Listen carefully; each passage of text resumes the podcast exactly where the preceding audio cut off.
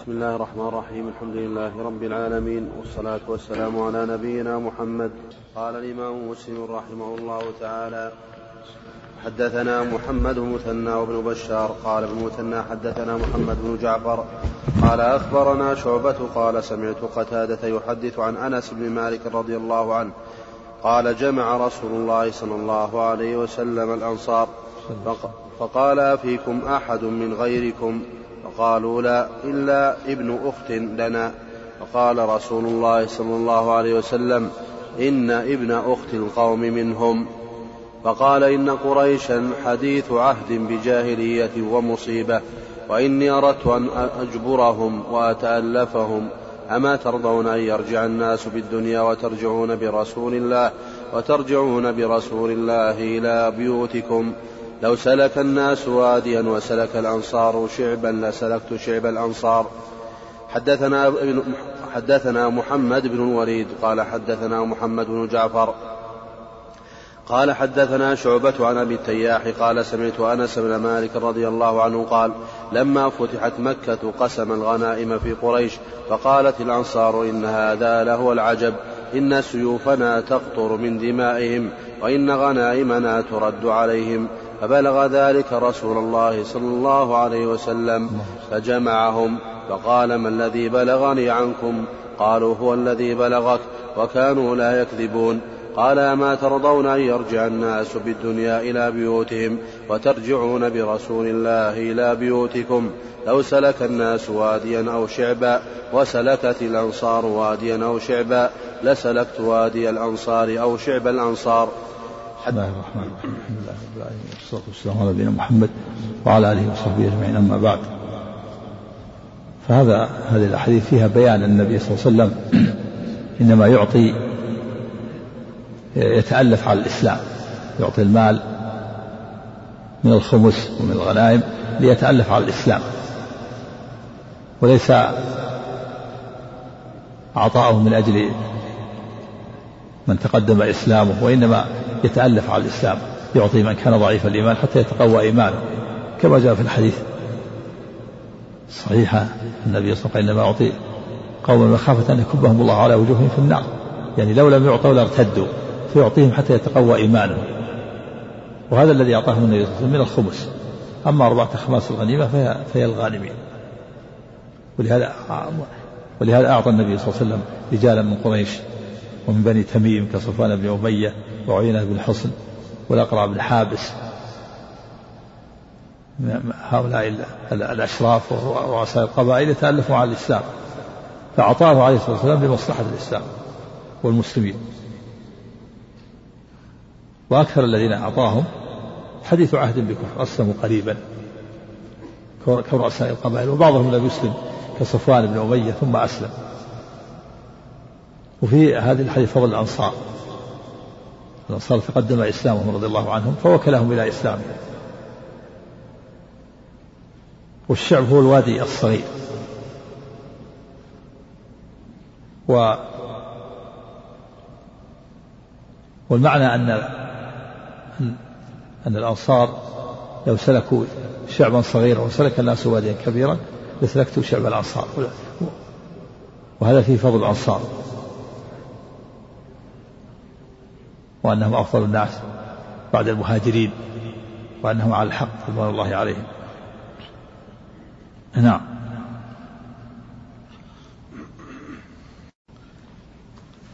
حدثنا محمد بن مثنى حدثنا محمد بن مثنى وإبراهيم بن محمد بن عرعرة يزيد أحدهما على الآخر الحرف يزيد أحدهما الآخر على الآخر الحرف بعد الحرف. قال حدثنا معاذ بن معاذ قال حدثنا ابن عون. قالوا ابن أخت ابن أخت القوم منهم استدل به بعض أهل العلم على توريث ذوي الأرحام ثم ذهب إلى ذلك الإمام أحمد وأبو حنيفة وذهب آخر من أهل العلم إلى أنه أهل الأرحام لا يرثون وإنما يرث ذوي الفروض والعصبات فإذا لم يوجد للميت الفروض والعصبات فإنه يكون ما, ما ترك لبيت المال. قالوا إن هذا الحديث ليس فيه تصريح بأنهم يرثون وإنما فيه أن بينه وبينهم ارتباطا وقرابة ولا علاقة الإرث في ذلك. نعم. حدثنا محمد بن مثنى وإبراهيم بن محمد بن عرعرة يزيد أحدهما على الآخر الحرف بعد الحرف. قال حدثنا معاذ بن معاذ قال حدثنا ابن عون عن هشام بن زيد بن أنس عن أنس بن مالك رضي الله عنه قال لما كان يوم حنين أقبلت هوازن وغطفان وغيرهم بذراريهم ونعامهم ومع ونعامهم ومع النبي صلى الله عليه وسلم ومع النبي صلى الله عليه وسلم يومئذ عشرة آلاف. نعم جاءوا بذرائهم والعين قدر الله ذلك تكون غنيمة المسلمين. نعم. ومع النبي صلى الله عليه وسلم يومئذ عشرة آلاف ومعه الطلقاء. فأدبروا عنه حتى بقي وحده. قال فنادى يومئذ فنادى يومئذ نداءين لم يخلط بينهما شيئا. قال فالتفت عن يمينه فقال فالتفت عن يمينه. فقال يا معشر الأنصار فقالوا لبيك يا رسول الله أبشر نحن معك. قال ثم التفت عن يساره فقال يا معشر الأنصار قالوا لبيك يا رسول الله أبشر نحن معك. قال وهو على بغلة بيضاء فنزل فقال أنا عبد الله ورسوله فانهزم المشركون وأصاب رسول الله صلى الله عليه وسلم غنائم كثيرة فقسم في المهاجرين والطلقاء ولم يعط الأنصار شيئا فقالت الأنصار إذا كانت الشدة فنحن ندعى فنحن ندعى ونعطى فنحن ندعى وتعطى الغنائم غيرنا. فبلغه ذلك فجمعهم في قبة. فقال يا معشر الأنصار ما حديث بلغني عنكم؟ فسكتوا فقال يا معشر الأنصار أما ترضون أن يذهب الناس بالدنيا وتذهبون بمحمد نحو؟ وتذهبون بمحمد تحوزونه وتذهبون بمحمد تحوزونه إلى بيوتكم. قالوا بلى يا رسول الله رضينا. فقال لو سلك الناس واديا وسلكت الأنصار شعبا. لا أخذت شعب الأنصار. قال هشام فقلت يا أبا حمزة أنت شاهد ذلك؟ قال وأين أغيب عنه؟ نعم أبو حمزة كنية أنس. والطلقة هم الذين أسلموا من أهل مكة. النبي صلى الله عليه وسلم قال اذهبوا فأنتم الطلقاء. نعم. كان النبي صلى الله عليه وسلم معه 12 ألف في حنين. عشرة آلاف من المهاجرين والأنصار وألفان من أهل ممن أسلم من أهل مكة حديثا. وهم هم طلقاء النبي صلى الله عليه وسلم قال اذهبوا فأنتم الطلقاء. تركهم عليه الصلاة والسلام ولم يعاقبهم. نعم. حدثنا عبيد الله بن معاذ وحامد بن عمر ومحمد بن عبد الأعلى قال ابن معاذ حدثنا المعتمر بن سليمان عن أبي قال حدثني السميض عن أنس بن مالك رضي الله عنه قال افتتحنا مكة افتتحنا مكة ثم إنا غزونا حنينا فجاء المشركون بأحسن صفوف رأيت قال فصفت فصفت الخيل ثم صفت المقاتلة ثم صفت النساء من وراء ذلك ثم صفت الغنم ثم صفت النعم قال ونحن بشر كثير قد بلغنا ستة آلاف وعلى, مجن وعلى مجنبة خيلنا خالد بن وليد. قال فجعلت خيلنا تلوي تلوي خلف ظهورنا فلم تلمث فلم تلبث أن انكشفت خيلنا وفرت الأعراب. ومن نعلم من الناس؟ قال فنادى رسول الله صلى الله عليه وسلم يا للمهاجرين يا للمهاجرين. ثم قال يا للأنصار يا للأنصار. قال قال أنس هذا حديث عمي عمية. قال قلنا لبيك يا رسول الله. قال فتقدم رسول الله صلى الله عليه وسلم. قال فأيم الله ما آتيناهم حتى هزمهم الله. قال فقبضنا ذلك المال ثم انطلقنا إلى الطائف فحاصرناهم أربعين ليلة ثم رجعنا إلى مكة فنزلنا فقال فنزلنا. قال فجعل رسول الله صلى الله عليه وسلم يعطي الرجل المئة من الإبل ثم ذكر باقي الحديث كنحو حديث قتادة وأبي التياح وهشام بن زيد. حدثنا نعم, نعم وهذا الحديث فيه أن فيه أن الله تعالى قدر هؤلاء أن هؤلاء المشركين أن يسوقوا هذه الغنائم. صفوها أحسن أحسن صف صفة الخيل ثم صفة المقاتلة ثم صفة النساء ثم صفة الغنم ثم صفت الإبل. جاءوا بذراريهم ونسائهم وأموالهم يزعمون أنهم أنهم سيقاتلون قتالا شديدا وأنهم لا يفروا حتى لا يفروا. أين يفروا؟ أموالهم نساءهم ذراريهم نعمهم كلها ساقوها معهم. كانوا قد استشاروا بعض بعضهم أو أشار عليهم دريد بن الصمة وقال قال إن بعض الرسائل قالوا إن المنهزم لا يلوي على شيء. كان رئيسهم مالك بن نويرة أراد هذا. قال حتى لا لا حتى لا تفروا يعني حتى لا يفر أحد. أين يفر؟ هذه أموالهم ونساءهم قاتلوا حتى يستميتوا في القتال. فقيل له إن المنهزم لا ينوي على شيء. فلم يقبل. ساقها الله غنيمة المسلمين. كانت آلاف من الإبل والبقر والغنم والنساء والذرية كلها. ساقوها. فجعلها الله غنيمة المسلمين يقول قد قد بلغ ستة آلاف هذا وهم بعض الرواة. الصواب أنه اثني عشر ألف اثني عشرة من كما كما في الأحاديث السابقة واللاحقة. عشرة آلاف عشرة اثني عشر ألف كانوا اثني عشر ألفا عشرة آلاف من المهاجرين والأنصار وألفان من الطلقاء. حصل أربعين ليلة. نعم. ثم نف نفل النبي صلى الله عليه وسلم من الخمس يتألف مع الإسلام. كما سأل. نعم.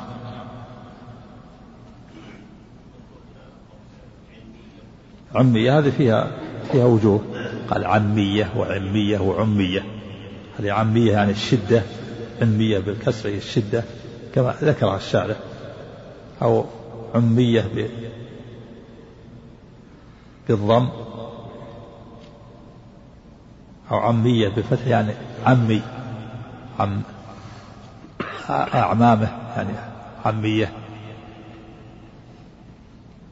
يعني أو أن عمية جماعة جماعة أي جماعتي على الخلاف الشارع ذكر الشارع راجع كلام الشارع. نعم. حدثنا محمد بن أبي عمر المكي قال حدثنا سفيان عن عمر بن سعيد بن مسروق عن أبيه عن عباية بن رفاعة عن رافع بن خديج رضي الله عنه قال أعطى رسول الله صلى الله عليه وسلم أبا سفيان بن حرب وصفوان بن أمية وعيينة بن حسن والأقرع بن حابس كل إنسان منهم مئة من, مئة من الإبل. وأعطى عباس بن مرداس دون ذلك. وقال عباس بن مرداس أتجعل نهبي ونهب العبيد بين عيينة والأقرع فما كان بدر ولا حابس يفوقان مرداس في المجمع وما كنت دون امرئ منهما ومن تخفض اليوم لا يرفع. قال فأتم له رسول الله صلى الله عليه وسلم مئة. عليه وسلم أعطى هؤلاء لأنهم رؤساء رؤساء القبائل وأسلموا حديثا تألفوا مع الإسلام حتى يتقوى إسلامهم. وقبائلهم تبع لهم. أعطى أعطى بس بحرب. وكان رئيسا في في مكة لما أسلم أسلم حديثا أعطاه مئة من الإبل وأعطى صفوان بن أمية مئة من الإبل وأعطى عيينة بن حصن مئة من الإبل وأعطى الأقرع بن حابس مئة. كل هؤلاء رؤساء قبائل في قريش وفي بني تميم. وأعطى عباس بن مرداس أقل من مئة. فكان في خاطره عباس بن مرداس يعني أثر فيه. ولهذا قال هذه قال هذه الأبيات يطلب من النبي صلى الله عليه وسلم أن يجعله مثلهم. ولا ينقصهم قال أتجعل نهبي ونهب العبيد. العبيد اسم فرس. النهب الغنيمة تسمى نهب. يعني الغنيمة أتجعل نهبي ونهب عبيد فرسي بين بين عينة والأقرع؟ يعني أقل منهم فما كان بدر ولا حابس يفوقان من في المجمع؟ وما كنت دون امرئ منهما. ومن تخفض اليوم لا يرفع أنت رسول الله. إذا خفضت أحد ما يرتفع. أنا أنا خفضتني جعلتني أقل منهم فكمل له النبي المئة أعطاه مئة. كمل له المئة فصار مئة. كل واحد مئة من الإبل. أعطى أبا سفيان مئة بعير وصفوان مئة بعير وعيينة بن حصن مئة بعير والأقرع مئة. ثم أعطى كمل للعباس مئة. تألفوا مع الإسلام. ولم يعطي الأنصار والمهاجرين عليه الصلاة والسلام. وكلهم إلى إيمانهم وإسلامهم. وهؤلاء ضعفاء لمن أسلموا حديثا فأعطاهم حتى يتألفهم على الإسلام يتقوى إيمانهم وتتبعهم قبائلهم نعم. وحدثنا أحمد, أحمد بن عبدة الضبي قال أخبرنا ابن عينة عن عمر بن سعيد بن مسروق بهذا الإسناد أن النبي صلى الله عليه وسلم قسم غنائم حنين فأعطى أبا سفيان بن حرب مئة من الإبل وساق الحديث بنحوه وزاد وأعطى علقمة بن علاثة مئة. وحدثنا مخلد بن خالد الشعيري قال حدثنا سفيان قال حدثنا عمر بن سعيد بهذا الإسناد ولم يذكر في الحديث علقمة بن علاثة ولا صفوان بن أمية ولم يذكر الشعر في حديثه. حدثنا سريج بن سريج بن يونس قال حدثنا إسماعيل بن جعفر عن عمرو بن يحيى بن عمارة عن عباد بن تميم عن عبد الله بن زيد رضي الله عنه أن رسول الله صلى الله عليه وسلم لما فتح عنينا قسم الغنائم فأعطى المؤلفة قلوبهم فبلغه أن الأنصار يحبون أن يصيبوا ما أصاب الناس فقام رسول الله صلى الله عليه وسلم فخطبهم. فحمد الله وأثنى عليه ثم قال يا معشر الأنصار ألم أجدكم ضلالا فهداكم الله بي؟ وعالة فأغناكم الله بي ومتفرقين فجمعكم الله بي ويقولون الله ورسوله أمن فقال ألا تجيبوني فقالوا الله ورسوله أمن فقال أما إنكم لو شئتم أن تقولوا كذا وكذا وكان من الأمر كذا وكذا لأشياء عددها زعم, زعم عمرو أن لا يحفظها فقال ألا ترضون أن يذهب الناس بالشاء والإبل وتذهبون برسول الله إلى رحالكم. الأنصار شعار الناس دثار. ولولا الهجرة لكنت امرأ من الأنصار. ولو سلك الناس واديا وشعبا لسلكت وادي الأنصار وشعب وشعبهم. إنكم ستلقون بعدي أثرة. فاصبروا حتى تلقوني على الحوض. نعم هذا فيه فضل الأنصار رضوان الله عليهم. الأنصار شعار والناس دثار. الشعار الثوب الذي يلي الجسد. والدثار الثوب الذي فوقه والمعنى أنهم خاصته عليه الصلاة والسلام أخص الناس به. ولولا الهجرة تكون لولا يعني الهجرة فضل الهجرة لكنت لانتسبت إليكم لكني من المهاجرين. والمهاجرون أفضل المهاجرون أفضل ثم يليهم الأنصار. لأن المهاجرين تركوا ديارهم وأموالهم وأهليهم لله والأنصار الأنصار في في بلادهم. وإن كانوا آثروا رضي الله عنهم. المهاجرين. ثم قال لهم إنكم إنكم ستلقون بعد أثرة. يعني تفضيلا لغيركم عليكم وإيثارا لكم في في الأمور التي في المشتركة في العقول المشتركة. يعني سيفضل غيركم عليكم وتؤثرون ويؤثر غيركم عليكم ولا تعطون حقكم فاصبروا حتى تلقوني على الحوض. قال أنس فلم نصبر وفي رواية قال فصبرنا. نعم. حدثنا زهير بن حرب وعثمان بن أبي شيبة وإسحاق بن إبراهيم. قال إسحاق أخبرنا وقال الآخران حدثنا جرير عن منصور عن أبي وائل عن عبد الله رضي الله عنه قال لما كان يوم حنين يوم حنين آثر رسول الله صلى الله عليه وسلم ناسا ناسا في القسمة. فأعطى الأقرع بن حابس مئة, من الإبل وأعطى عيينة مثل ذلك وأعطى أناسا من أشراف العرب وآثرهم يومئذ في القسمة. فقال رجل والله إن هذه لقسمة ما عدل فيها وما أريد فيها وجه الله. قال فقلت والله لأخبرن رسول الله صلى الله عليه وسلم. قال فأتيته فأخبرته فأخبرته بما قال. قال فتغير وجهه حتى كان كالصرف. ثم قال فمن يعدل إن لم يعدل الله ورسوله. قال ثم قال يرحم الله موسى قد أوذي بأكثر من هذا فصبر. قال قلت لا جرم لا أرفع إليه بعدها حديثا. حدثنا أبو بكر بن أبي شيبة قال حدثنا حفص حفص بن غياث عن الأعمش عن شقيق عن عبد الله رضي الله عنه قال قسم رسول الله صلى الله عليه وسلم قسما فقال رجل إنها لقسمة ما أريد بها وجه الله. قال فأتيت النبي صلى الله عليه وسلم فساررته فغضب من ذلك غضبا شديدا واحمر وجهه حتى تمنيت أني لم أذكر لم أذكره لم أذكره له. قال ثم قال قد أوذي موسى بأكثر من هذا فصبر. إذا كان الرسول عليه الصلاة والسلام يتهم ويواجه بمثل هذا وهو رسول الله كيف يرجو أحد السلامة من الناس؟ الرسول عليه رسول الله يأتيه الخبر الوحي صباحا ومساء ويقسم بمصلحة الإسلام ثم يأتي هذا الرجل فيقول اعدل يا محمد هذه قسمة ما أريد بها وجه الله. قال إن هذه لقصة ما أريد بها وجه الله. هذا فيه أنه قال في غيبته. في الحديث الآخر أنه واجه بهذا وأنه قال اعدل يا محمد. هذه لقصة ما أريد بها وجه الله. فجاء عبد الله بن مسعود رضي الله عنه وأخبر النبي صلى الله عليه وسلم سار بذلك فتغير وجه الرسول حتى كان كالصرف. يعني احمر وجهه. الصرف صبغ أحمر تصبغ به الجلود. حتى قال قال عبد الله لا جرم لا أرفع إليه بعد حديثا. ما دام سيتأثر هذا التأثر ما أخبره مرة أخرى. ولهذا في الرواية قال حتى تمنيت أني لم أذكره له سيأتي في الأحاديث الأخرى أن أن عمر وأن خالد طلبوا قتله أن هذا أن هذا الرجل أمة منافقة وأنه أصل الخوارج. نعم. حدثنا محمد بن رمح بن مهاجر قال أخبرنا الليث عن يحيى بن سعيد. بركة حدثنا محمد بن حدثنا محمد بن رمح بن المهاجر قال أخبرنا الليث عن يحيى بن سعيد عن أبي الزبير عن جابر بن عبد الله رضي الله عنهما قال أتى رجل النبي صلى الله عليه وسلم بالجعرانة منصرفه من حنين وفي ثوب بلال فضة ورسول الله صلى الله عليه وسلم يقبض منها يعطي الناس فقال يا محمد اعدل. قال ويلك ومن يعدل إذا لم أكن أعدل. لقد خبت وخسرت إن لم أكن أعدل.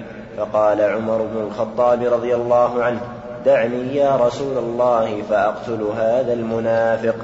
فقال معاذ الله أن يتحدث الناس أني أقتل أصحابي. إن هذا وأصحابه يقرؤون القرآن لا يجاوز حناجرهم يمرقون منه كما يمرق السهم من الرمية. نعم. وقول لقد لقد خبت وخسرت. وبالفتح قد خبت وخسرت. هذا الأرجح. خبت أنت. خبت أيها الرجل وخسرت إن لم أكن عدل يعني إذا كان نبيك لا يعدل. و... ويجوز الرفع. لقد خبت وخسرت. يعني أنا لم أعدل. وفيه أن عمر قال دعني يا رسول الله أقتل هذا المنافق. ظاهر أن النبي صلى الله عليه وسلم أقر على كونه منافق. وفيه بيان المانع له من قتله. قال معاذ الله أن يتحدث الناس أني أقتل أصحابي إن هذا وأصحابه يقرؤون القرآن لا يجاوز حناجرهم. يمرقون من منه كما يمرق السهم من الرمية. هذا احتج به من قال بكفر الخوارج. كما سيأتي. والخوارج فيهم أحاديث صحيحة. صحيحين كما عشرة. والجمهور على أنه مبتدعة نعم. أحسن الله إليك. حدثنا محمد بن المثنى قال حدثنا عبد الوهاب عبد الوهاب الثقفي قال سمعت يحيى بن سعيد يقول أخبرني أبو الزبير الربيع الربيع يعني الصيد الصيد المربي والفعيلة بمعنى مفعول الربيع يعني المربية كما يمرق السهم من الربيع يعني المربيه وهي الصيد نعم. حدثنا محمد بن المثنى قال حدثنا عبد الوهاب الثقفي قال سمعت يحيى بن سعيد يقول أخبرني أبو الزبير أنه سمع جابر بن عبد الله حاء وحدثنا أبو بكر أبو بكر بن أبي شيبة. قال حدثنا زيد بن الحباب قال حدثني قرة بن خالد. قال حدثني أبو الزبير عن جابر بن عبد الله رضي الله عنهما أن النبي صلى الله عليه وسلم كان يقسم مغانم. وساق الحديث. نعم ويمرقون من الدين ويمرقون من الإسلام.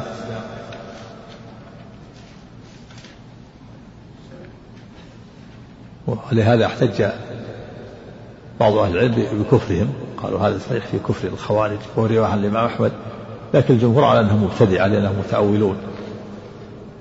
والصحابة عاملهم معاملة معاملة العصاة لم يعاملهم معاملة الكفار.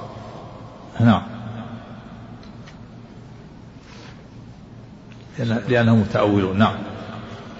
حدثنا هناد بن السري قال حدثنا أبو الأحوص عن سعيد بن مسروق عن عبد الرحمن بن أبي نعم عن أبي سعيد الخدري رضي الله عنه قال بعث علي رضي الله عنه وهو باليمن بذهبة في تربتها إلى رسول الله صلى الله عليه وسلم فقسمها رسول الله صلى الله عليه وسلم بين أربعة نفر الأقرع بن حابس الحنظلي وعيينة بن بدر الفزاري وعلقمة بن علاثة العامري ثم أحد بني كلاب وزيد الخير الطائي ثم أحد بني نبهان.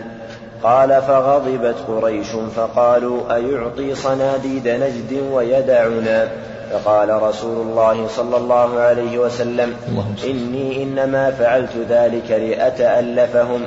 فجاء رجل كث اللحية مشرف الوجنتين غائر العينين ناتئ الجبين محلوق الرأس فقال اتق الله يا محمد. قال فقال رسول الله صلى الله عليه وسلم فمن يطع الله إن عصيته يطع الله. فمن يطع الله إن عصيته أيأمنني, أيأمنني على أهل الأرض ولا تأمنوني؟ قال ثم أدبر الرجل فاستأذن رجل من القوم في قتله يرون أنه خالد بن الوليد رضي الله عنه. يرون. يعني يظنون. الله عليه ثم أدبر الرجل فاستأذن رجل من القوم في قتله يرون أنه خالد بن الوليد فقال رسول الله صلى الله عليه وسلم إن من ضئضئ هذا قوما يقرؤون القرآن لا يجاوز حناجرهم. يقتل يقتلون أهل الإسلام ويدعون أهل اللوثان يمرقون من الإسلام كما يمرق السهم من الرمية. لئن أدركتهم لأقتلنهم قتل عاد. نعم وفيها بيان النبي صلى الله عليه وسلم إنما يتألف على الإسلام. لما جاء أرسل علي رضي الله عنه بذهبة بذهيبة في في تربتها قسم بين هؤلاء الأربعة الصناديد يتألفوا مع الإسلام. وبين هذا عليه قال إنما فعلت ذلك لأتألفه مع الإسلام. فأتى هذا الرجل الذي هو أصل الخوارج. هذا وصفه كث اللحية مشرف الوجنتين كث يعني كثير شعر اللحية مشرف الوجنتين. وجنتاه تحت الأذن يعني ناتئتان. غائر العينين وناتئ الجبين الجبهة محلوق الرأس. الخوارج يتعبدون يشددون في حلق الرأس. فقال اتق الله يا محمد. فقال عليه الصلاة والسلام من يطع الله إن عصيته؟ فاستأذن خالد رضي الله عنه في قتله فالنبي صلى الله عليه وسلم لم لم يأذن له. قال إن من ضئضئ هذا قوم يقرؤون قول لا يجوز حناجرهم يعني الضئض أصل الشيء والمراد أن هذا الرجل أصل الخوارج. ذكر أوصافهم يقرؤون القرآن لا يجوز حناجرهم يقتلون أهل الإسلام ويدعون أهل الأوثان. يتركون المشركين ما يقاتلونهم يقاتلون المسلمين. يمرقون من الإسلام كما يمرق السهم من الرمية. وفي الأصل يمرقون من الدين. لئن أدركتهم لأقتلنهم قتل عاد. هذا أحتج به بعض أهل العلم على كفر الخوارج. يقول يمرقون من الإسلام يمرقون من الدين. وشبههم ب بعاد. وهم قوم, قوم كفار. هو قول قوي ورواية عن الإمام أحمد لكن الجمهور على أنهم مبتدعة وليسوا كفار. نعم. لأنهم متأولون. نعم. أحسن الله إليك. حدثنا قتيبة بن سعيد قال حدثنا عبد الواحد عن عمارة بن القعقاع قال حدثنا عبد الرحمن بن أبي نعم قال سمعت أبا سعيد الخدري رضي الله عنه يقول بعث علي بن أبي طالب رضي الله عنه إلى رسول الله صلى الله عليه وسلم من اليمن بذهب بذهبة في أديم مقروب لم تحصل من ترابها. يعني مدبوغ بالقرض بالقرض. هو شيء معروف الجلود. نعم. بعث رسول بعث علي بن أبي طالب رضي الله عنه إلى رسول الله صلى الله عليه وسلم من اليمن بذهبة في أديم مقروب والأديم الجلد يعني في أديم مدبوغ بالقرن نعم. لم تحصل من ترابها. قال فقسمها بين أربعة نفر بين عيينة بن حصن. والأقرع بن حابس وزيد الخيل والرابع إما علقمة بن علاثة وإما عامر بن الطفيل. فقال رجل من أصحابه كنا نحن أحق بهذا من هؤلاء. قال فبلغ ذلك النبي صلى الله عليه وسلم. فقال ألا تأمنوني وأنا أمين من في السماء؟ يأتيني خبر السماء صباحا ومساء. قال فقام رجل غائر العينين. مشرف الوجنتين ناشز الجبهة كث اللحية محلوق الرأس مشم مشمر الإزار. فقال يا رسول الله اتق الله. فقال ويلك أولست أحق أهل الأرض أن يتقي الله؟ قال ثم ولى الرجل فقال خالد بن الوليد يا رسول الله ألا أضرب عنقه؟ فقال لا لعله أن يكون يصلي. قال خالد وكم من مصل يقول بلسانه ما ليس في قلبه فقال رسول الله صلى الله عليه وسلم إني لم أؤمر أن, أن أنقب عن قلوب الناس ولا أشق بطونهم. قال ثم نظر إليه وهو مقف فقال إنه يخرج من ضئضئ هذا قوم يتلون كتاب الله رطبا لا يجاوز حناجرهم. يمرقون من الدين كما يمرق السهم من الرمية. قال أظنه قال لئن أدركتهم لأقتلنهم قتل ثمود. نعم وهذه سمة الخوارج. سمهم التحليق. يعني يحلقون رؤوسهم يشددون. ولا حلق الرأس جائز. الحديث احلقه كله وتركه كله لكن الخارج يستعصرون الشعر ولا يبقون شيء ويلزمون بحلق الرأس تعبدا. يتعبدون بحلق الرأس يشددون وفيه الحديث يجرى الأحكام على الظاهر. ولهذا قال النبي صلى الله عليه وسلم لما قال إني لم أمر أن أنقب عن قلوب الناس ولا أشق بطونهم. وفي لفظ نهيت عن قتل المصلين. دل على أن المصلي لا يقتل إلا إذا ارتكب ما يوجب قتله كالزنا أو القتل أو الردة.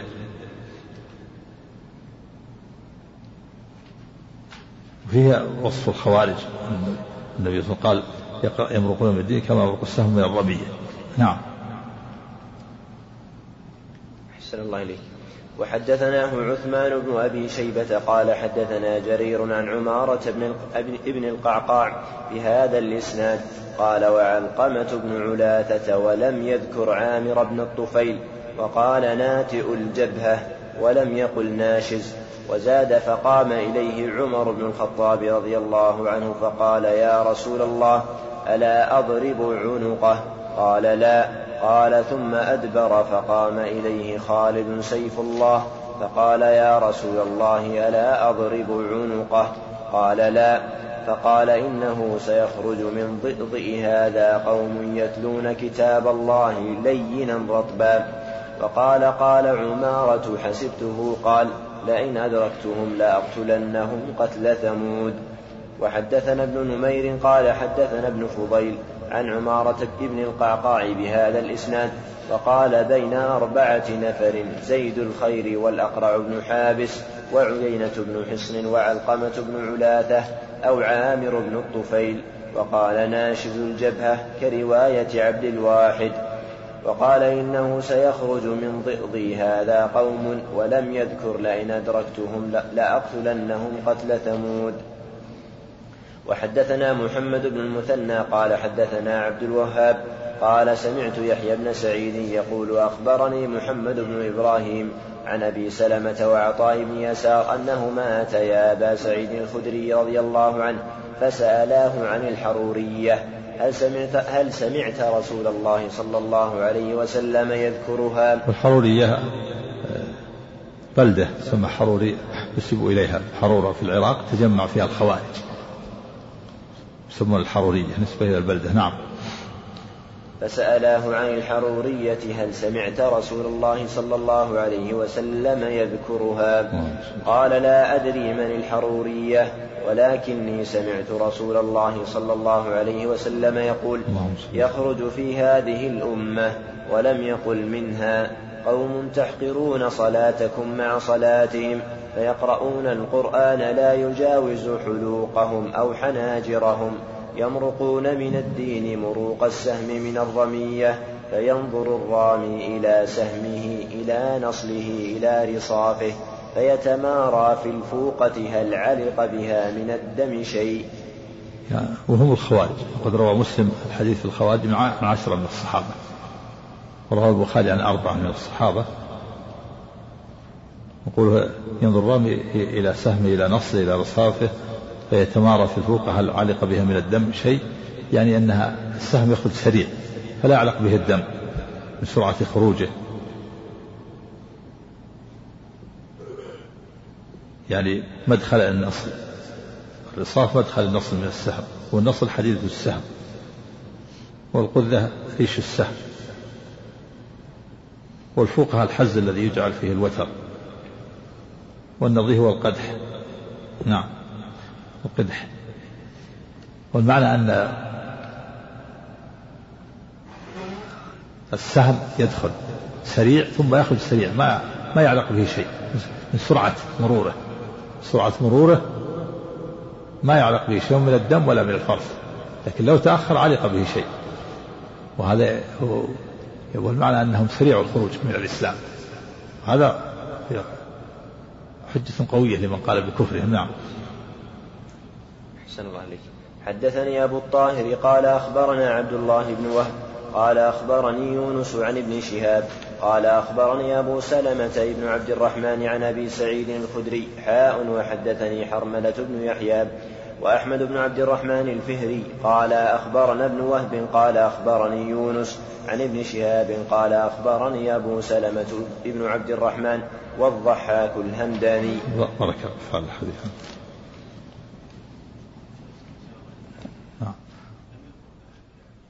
نعم.